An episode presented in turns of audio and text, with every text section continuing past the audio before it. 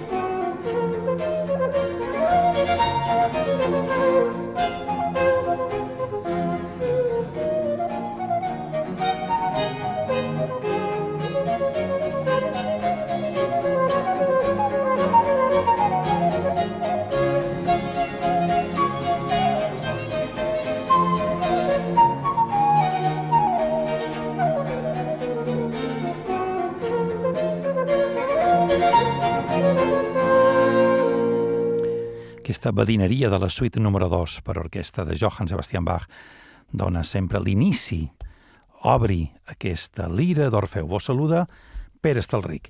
I parlant d'obertures, parlant d'obrir, avui encetarem amb una obertura, amb una obertura de Mendelssohn, un dels grans compositors del segle XIX, un compositor que, a més, va tenir un mèrit enorme perquè va redescobrir la música de Johann Sebastian Bach. Per tant, de Mendelssohn escoltarem una obertura titulada Les Hèbrides o La Gruta de Fingal. És la seva obra número 26, opus 26. Quan una obra veiem que posa opus i un número després, vol dir que és la numeració, la, la seva obra número 26. Si són cronològiques, se sol posar opus, opus 26. Per tant, de Mendelssohn, la Gruta del Fingal, o també coneguda com Obertura Les Hèbrides. És l'Orquestra Simfònica de Londres i el gran Claudio Abado.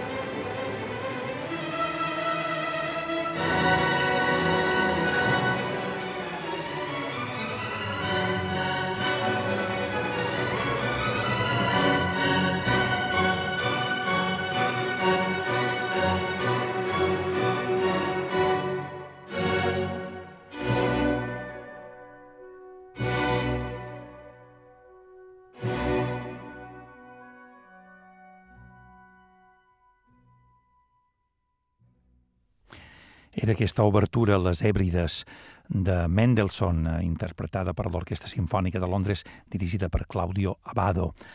Mendelssohn, quan tenia 20 anys, eh, va voler viatjar per, per Europa i va anar a Escòcia. De fet, allà va quedar impactat per, aquesta, per, per la zona escocesa. De fet, va escriure una sinfonia, que es diu la Sinfonia Escocesa de, de, de Mendelssohn, però també va visitar aquestes illes hèbrides i va escriure aquesta fantasia que ell va titular Obertura sobre les hèbrides, allà on explica les impressions que aquestes illes li varen, eh, li varen donar ell, li varen impactar molt per el, pel, que és així, pel que sembla, no? Sembla que, que Mendelssohn a Escòcia va quedar impactat per, per la geografia del país. Per tant, hem obert avui amb aquesta obertura de Mendelssohn. I seguim amb, amb un final, passant de l'obertura a un final, un final d'una obra d'Arnold Schoenberg, titulada Lieder, una obra mm, majestuosa, eh, pensada per cinc solistes vocals, un narrador, un cor mist i una orquestra sinfònica.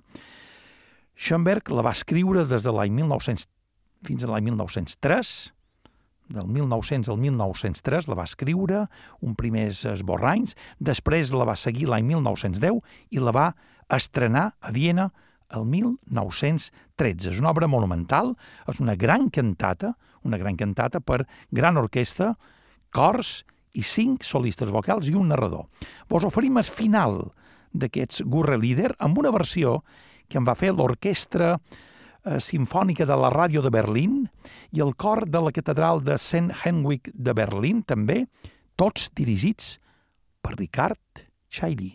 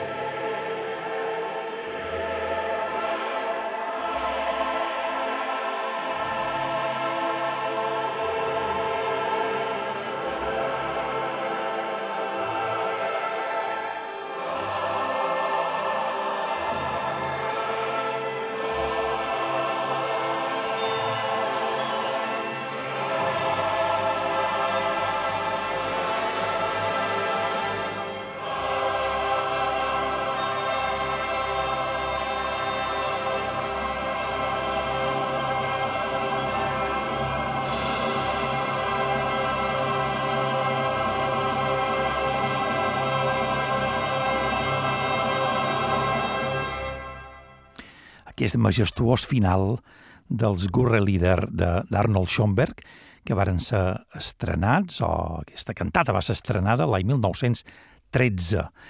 Schoenberg se va basar per, eh, per, aquesta, per aquesta majestuosa obra en una llegenda medieval danesa que conta com en el, en el castell de Gurre, un castell danès, hi va haver, durant l'època medieval, hi va haver unes intrigues amoroses que varen acabar amb la mort d'una dama, estimada pel rei, i mm, un rei gelós i un amant gelós, amb una paraula, tota una llegenda medieval que passa en aquest castell de Gurre, de Nes. Schoenberg li va treure aquesta història i en va fer una cantata, aquest Gurre Lieder, estrenats l'any 1900 13. I d'aquesta obra majestuosa, d'una obra majestuosa allà on hi ha cors, solistes, narrador, gran orquestra, passam una cosa més íntima.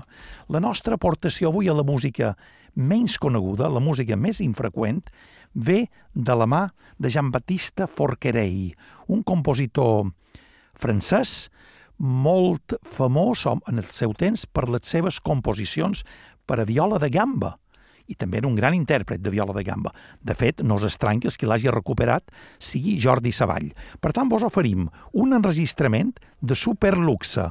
Jordi Savall i Christoph Coin a ses violes i Ton Koopman, quasi res, al clavecí. De Forquerei, la portuguesa.